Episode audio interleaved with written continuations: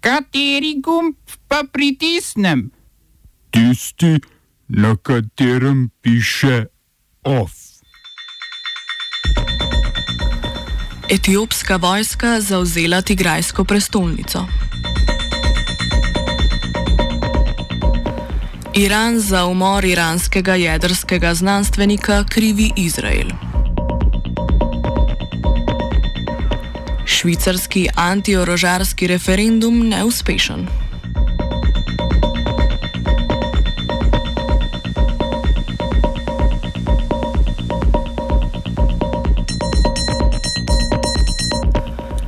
Etiopski predsednik vlade Abi Ahmed je na Twitterju sporočil, da je etiopska zvezdna vojska zauzela prestolnico province Tigraj Mekele.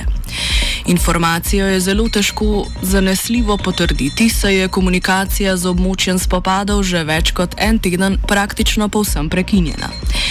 Britanski BBC sicer poroča, da so uspeli za krajši čas vzpostaviti stik s svojim virom v mestu, ki je poročal, da se etiopska vojska nahaja v mestu in da je občasno slišati strele. Abi Ahmed trdi, da pri zauzetju mesta s približno pol milijona prebivalcev ni bilo žrtev med civilisti in da etiopske varnostne sile sedaj iščejo tigrajske politične voditelje. Spopadi v Tigraju so se začeli pred približno tremi tedni potem, ko je zvezdna vlada oborožene sile pod vodstvom v Tigraju, vladajoče Tigrajske ljudske osvobodilne fronte, obtožila napada na vojašnico etiopske vojske. Odnosi med Tigrajem in Addis Ababo pa so se začeli močneje zaostrovati, potem, ko so Tigrajci kljub nasprotovanju zvezdne vlade izvedli regionalne volitve.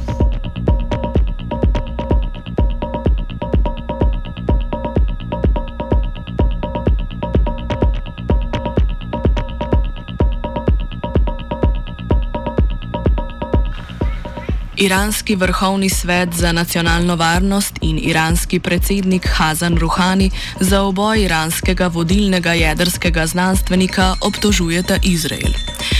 Poročila državnih medijev in Vrhovnega sveta za nacionalno varnost o načinu uboja Mosna Fakrizadeja, direktorja jedrskega programa, se vse skozi spreminjajo. Nobeno poročanje pa ne vsebuje dokazov o izraelski upletenosti. Po poročanju New York Timesa pa so izraelsko upletenost potrdili trije člani obveščevalnih služb, tudi američani. Obrambni minister Gen Amir Hatami je že obljubil, da bo prihodni proračun oddelka za raziskave in inovacije, ki ga je vodil Fakrizadeja, podvojen. Iranski parlament se je pozval pa je pozval vlado k ukinitvi vseh bodočih preiskovanj nuklearnega programa strani Združenih narodov. Iranski politiki že več let trdijo, da so med opazovalci Združenih narodov prisotni izraelski vohuni. Ta preklic dovoljenja preiskav bi praktično pomenil razpad jedrskega sporazuma iz leta 2015. Urad visokega predstavnika Evropske unije za zunanje zadeve Josepa Borela je že pozval k zadržanemu ravnanju in vzdrževanju jedrskega sporazuma.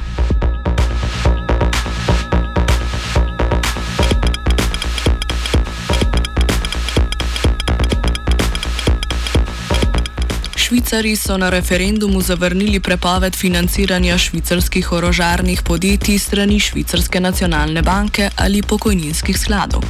Natančneje, zavrnjeni referendumski predlog je predlagal, da Švicarska nacionalna banka in pokojninski skladi ne bi smeli vlagati v podjetja, ki dobijo več kot 5 odstotkov svojega dobička od prodaje surovin za orodje orožje.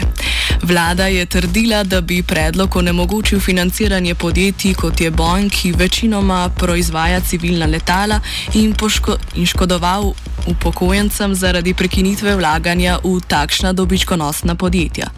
Po mnenju podpornikov predloga pa bi se s predlogom Švica še bolj oddaljila od vojaške industrije in s tem upravičila svoj sloves neutralnosti.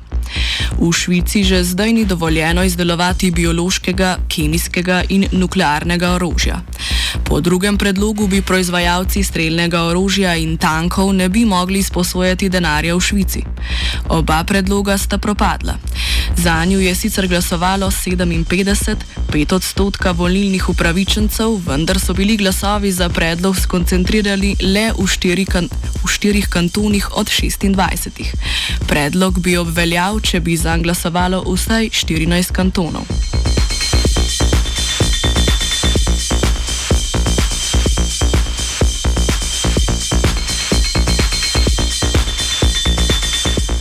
Na vsak način je propadel tudi predlog o povečanju odgovornosti podjetij s sedežem v Švici, ki povzročajo okoljsko škodo ali kršijo človekove pravice. Predlog bi omogočil, da bi bila ta podjetja kazansko odgovorna po pravu države, kjer so podjetja ali njihovi proizvajalci izvajali takšne kršitve. Razen, če bi podjetja dokazala, da so temeljito preverila svoje proizvajalce. Vladni protipredlog, ki je bil zavrnitvijo tega predloga na referendumu avtomatično sprejet od podjetja, zahteva le, da poročajo o kršenju človekovih pravic, uničevanju okolja in koruptivnemu vedenju. Tuja podjetja sed sedežem v Švici zaposlujejo več kot četrtino vseh prebivalcev Švice.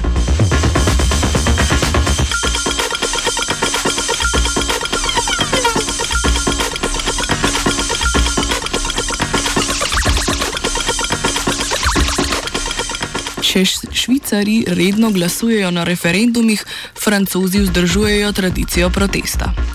V nedeljo so v večjih francoskih mestih, tudi v Strasburgu in v Parizu, protestirali proti novemu predlogu zakona, ki bi omejil možnost snemanja in deljenja slik ali posnetkov policijskega nasilja.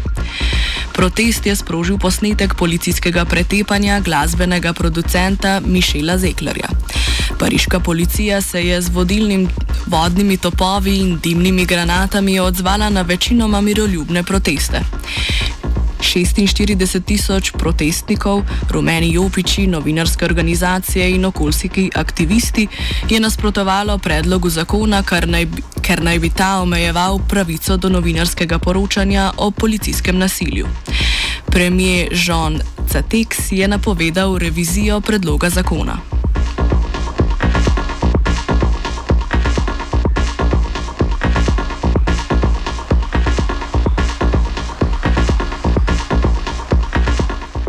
Evropsko sodišče za človekove pravice je sprejelo tožbo šestih mladih okoljskih aktivistov, ki 33 evropskih držav obtožujejo prepočasnega preprečevanja podnebnih sprememb. Sodišče je tudi izjemoma odločilo, da gre za sodni primer velikega pomena in da spada med prioritete sodnega mlina s hitrejšim postopkom. Vlade član državic in vlade Rusije, Švice, Velike Britanije, Turčije, Ukrajine in Norveške morajo tako do 23. februarja odgovoriti na obtožnico, da države prepočasi znižujejo izpuste emisij oglikovega dioksida. Po nalogu sodišča pa morajo tudi razložiti, ali njihovo pomankanje delovanja glede podnebnih sprememb ne krši tretjega člena Evropske konvencije o človekovih pravicah, ki evropejcem zagotavljajo pravico, da niso izpostavljeni nečloveškemu in ponižajočemu ravnanju. Oba, če, če bom odgovoril na angliški. Uh, uh, Slovenija will try to help. Uh, we can. Slovenija will. Uh, and we will do our utmost to say that the situation is our problem ourselves. And uh, we will uh, make further steps as soon as the conditions are. Bomo vlado Marjana Cererja, Marjana Cererja Šarca podprli. Very, very serious. News from Slovenia. We know how and we will. Nikakor neuradni organizator petkovih protivladnih protestov Jaša Jenul je vložil kazansko ovadbo na specializirano državno toživstvo zoper neznane storilce uslužbence slovenske policije zaradi prekoračitve pooblastil in zlorabe uradnega položaja. Jenula so namreč na zadnjih petkovih protestih, ki so se tokrat iz dveh nožno gnanih preselili na štiri motorizirana kolesa, ustavili policisti in mu izrekli kazen zaradi nepravilne uporabe svetlobnih signalov. Jenul trdi, da so policisti prekoračili svoja pooblastila, saj so se po njegovih besedah namreč dobili navodila, da se umirijo prav na njih.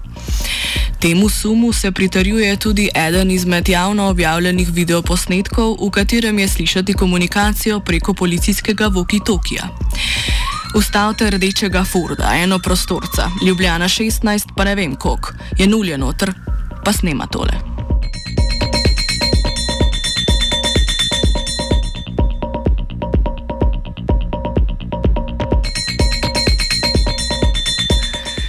Čestitke novinarki Radia Student Zari Muršič za sprejeto nagrado Društva novinarjev Slovenije Čuvaj. Prejela jo je za izstopajoči novinarski dosežek 2020 za svoje poročanje o znanstvenih dognanjih o novem koronavirusu, predvsem v prvih spomladanskih mesecih pandemije. Citiramo obrazložitev nagrade. V času splošne histerije in pomankanja informacij je mirno in neumorno raziskovala biološke lastnosti novega virusa in načine, kako pohablja staro in ustvarja novo družbeno realnost. Poleg Zarje so nagrado za izstopajoči novinarski dosežek prejeli še novinarka dela Špela Kuralt za analiziranje problematike virtualnega pandemijskega šolstva, Janko Petrovec za poročanje iz Italije za RTV Slovenija in Boštjan Videmšek za knjigo Plan B. Nagrado za življensko delo pa je društvo podelilo novinarki dela Jožici Grkič z utemelitvijo, da so za njo dejstva bolj sveta od papeža, ter da jih je znala upeti v družbeni kontekst.